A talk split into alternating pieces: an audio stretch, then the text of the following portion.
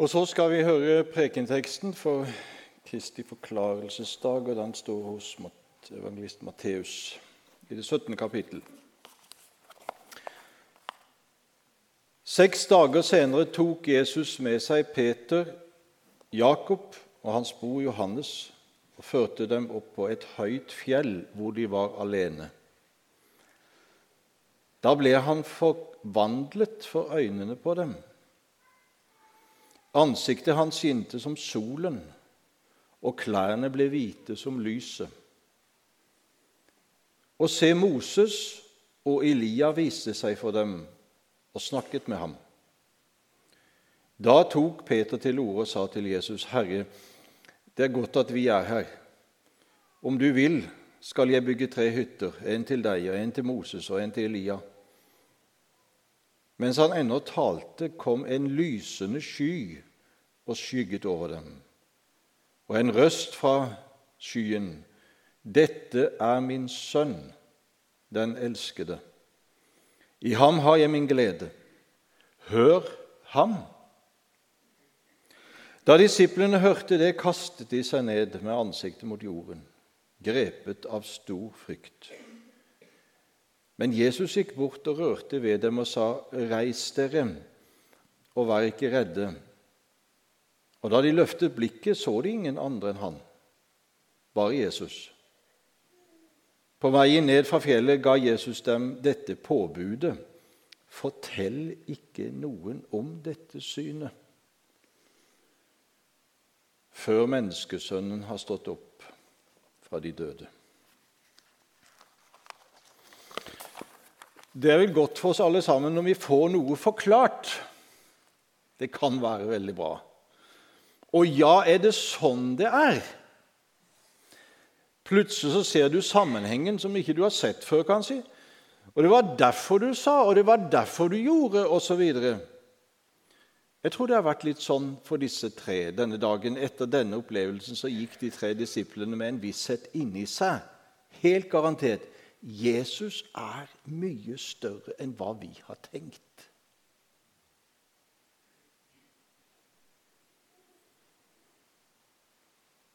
Han tok med seg Peter, Jakob og hans bror Johannes. Og En kan lure på hvorfor bare de? Det var kanskje ikke noe nytt, akkurat det.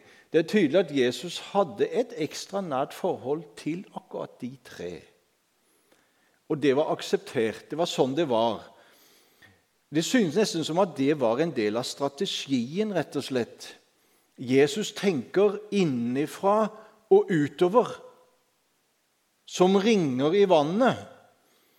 Og sånn har det alltid vært, kan si. Det var bare én Moses også, det var bare én Elia også. Hvorfor, hvorfor ikke la alle tolv disiplene få oppleve dette synet? Hvorfor viser du deg ikke for folket, men bare for oss? spurte disiplene en gang etter oppstandelsen. Og vi kunne ha føyd til Hvorfor skriver du ikke på himmelen, Gud? Så alle kan se.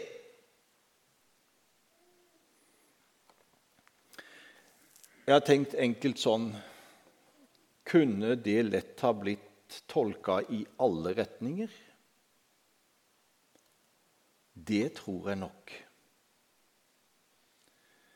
Er det slik at noen må se og vite hva de har sett, og forstå, for at siden alle, og så mange som mulig, skal få se? At det rett og slett må gå i dybden med få for at det skal kunne gå ut til mange. Og at i den fasen er kvalitet faktisk viktigere enn kvantitet. Jeg tror det. I hvert fall Jesus' strategi, for jeg tror faktisk dette var Jesus' strategi. Tross forfølgelse og motstand så bar den frukt. Jesusbevegelsen ble ikke glemt etter 10-20 år. Og når den siste boka av Det nye testamentet skrives, på første delen av 90-tallet, så tror de sannsynligvis at det ble 200 kristne per dag. Jesus er ennå ikke glemt.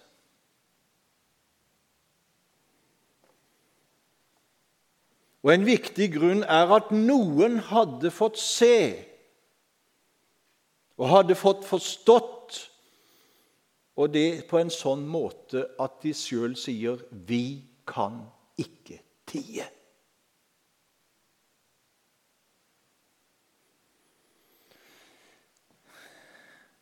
Men det er litt underlig at dette skulle det ties om fra først av.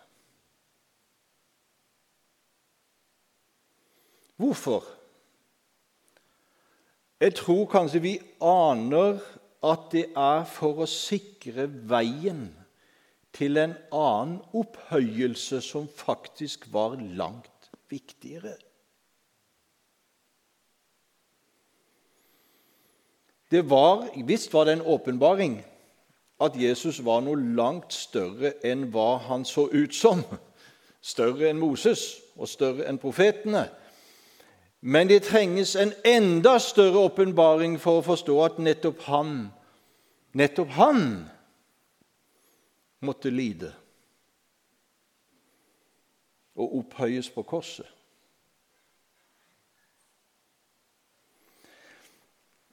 Men her i det helt alminnelige altså er det at det skjer. Det var ingen bakgrunnsmusikk og ingen dempa belysning og ingen scene og røyk, ingen lukkede rom, ingen sakral stemning. De hadde kanskje iakttatt hverandres ganglag oppover stien mot fjelltoppen. Kanskje kjent at kondisen var ikke så veldig å skyte sett på naturen, hørt fuglesangen, kjent på vinddraget, og så plutselig var alt annerledes. Den himmelske verden var rett her, i siderommet. Bak den usynlige, løvtynne veggen. Her var Moses, Elia og Sønnen og Gud. Her er Han som er den samme i går og i dag, midt i vår verden. Det er flere enn vi aner som har hatt en sånn nær himmelsk verden-opplevelse. Peter hadde det også siden, på taket mens han ba, da dalte duken ned, og røsten lød. Og det Peter egentlig hørte da, det var dette at 'Nå, Peter, nå kan du fortelle det til alle.' Paulus hadde det på dramatisk vis utenfor Damaskus, og siden en gang sier han også at han var rykket inn i den tredje himmel. Johannes hadde det på Patmos, men mange flere har hatt en slik opplevelse at det var nær vi en grense. De så og hørte, og de fikk konsekvenser for livet, som for en hauge bak plogen. Peter skriver om akkurat den opplevelsen i sitt andre brev. Så sier han det var ikke eventyr, det vi så og hørte da vi var sammen med ham på fjellet og hørte røsten over han fra den høyestes herlighet. Og han fortsetter. Desto fastere står det profetiske ord. Det er altså ikke slik at opplevelsen nedgraderer eller overflødiggjør ordet. Moses og Elia hadde vært autoriteter for disiplene også før dette. Og ja da. Men enda mer nå, etter dette. Jesus står i en sammenheng. Siden så står det at han åpnet Skriftene for dem, både Moses og profetene. Og her er ingen motsetning. De vitner om meg, sier Jesus. Og etter oppstandelsen og pinse så forstår Peter og de andre at menneskesønnens lidelse var helt avgjørende og nødvendig. Dette var helt nytt for dem i deres jødiske tankegang. Men denne hendelsen på Forklarelsens berg får altså Peter til å si desto fastere står det profetiske ord. Og, da, og det han da tenker på, det er at her er det noe mer. Her er det noe mer som er lovt, og som skal komme. Ord forteller oss om noe mer, og vi vet at det er sant. Jesus har ikke sagt sitt siste ord i denne verden.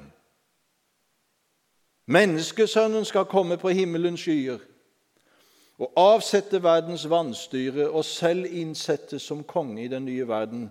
Og Fader vårs bønner skal gå i oppfyllelse. Bare vent, vi vet hvem han er.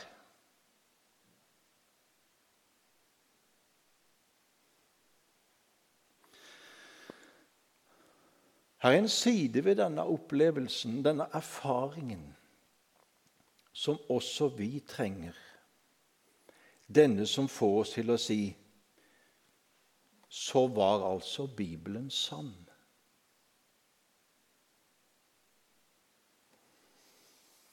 Det går an å granske Skriftene, men ikke kjenne Guds kraft. Da ser man egentlig ikke det vesentligste. For Guds rike består ikke i ord, ikke i tanker, talekunst, teorier, men kraft.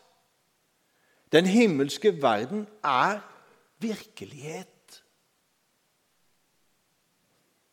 Den er her, like bak denne løvtynne veggen. Der er den. Og så er her en sammenheng. Moses, Elia, Jesus. Og her er en stigning. For her er mer enn Moses. Og her er mer enn Elia, de to store representantene for Det gamle testamentet. Her er Sønnen, den elskede. Han vi framfor noen må høre på. Han som skal gjøre en gjerning som ingen andre kan gjøre, og som ingen kommer utenom. Verken Moses eller Elia eller du eller meg.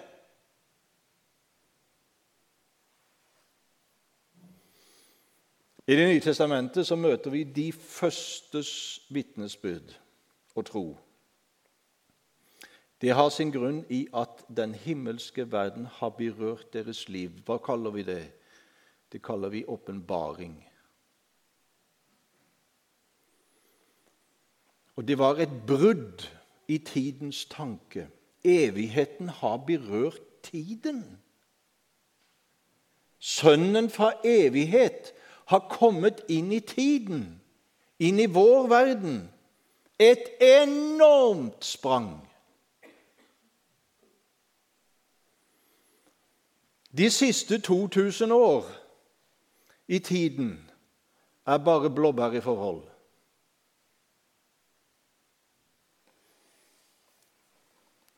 Skal vi tro at han, Jesus, Sønnen vet hvordan allting er.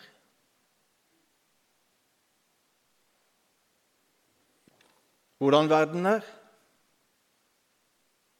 hvordan menneskene er, hvordan Gud er. Skal vi tro at Han vet svaret på alle de problemene og spørsmålene vi strever med i dag? Skal vi tro at Han visste om de før oss? Fordi han er sønnen fra evighet av.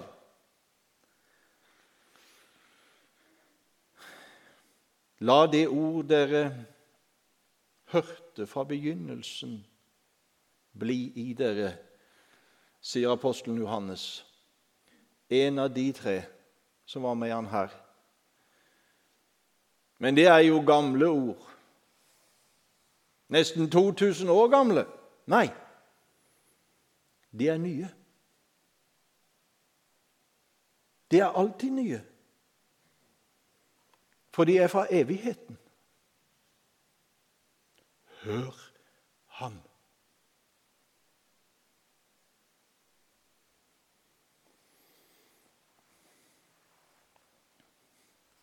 Et fenomen som nesten alltid dukker opp når det fortelles om Guds åpenbaringer i Skriften. Og også i denne vi har hørt i dag, hvis du la merke til det. Det er ordet lys. Der Gud kommer nær, der er det lys. Et gjennomtrengende lys. Plutselig ser vi alt slik det er. Ofte skaper det frykt. Men en av disse tre, Johannes, han sier at det er dette som er å være en kristen. Å vandre i hans lys.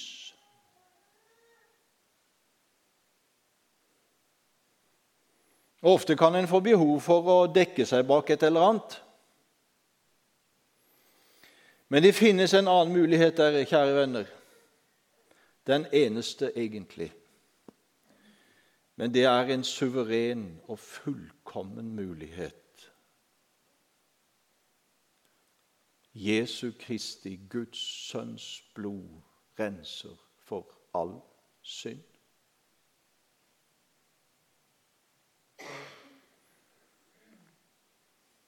Han måtte også lide. Og da ble lyset fra Gud en skapende og livgivende lys. Og kjære venner, nå kan vi si det. Nå kan vi si det til så mange som mulig.